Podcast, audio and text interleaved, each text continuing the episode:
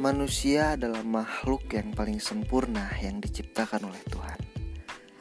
Tetapi meski begitu, manusia tetap saja tidak bisa mencapai kesempurnaan itu sendiri.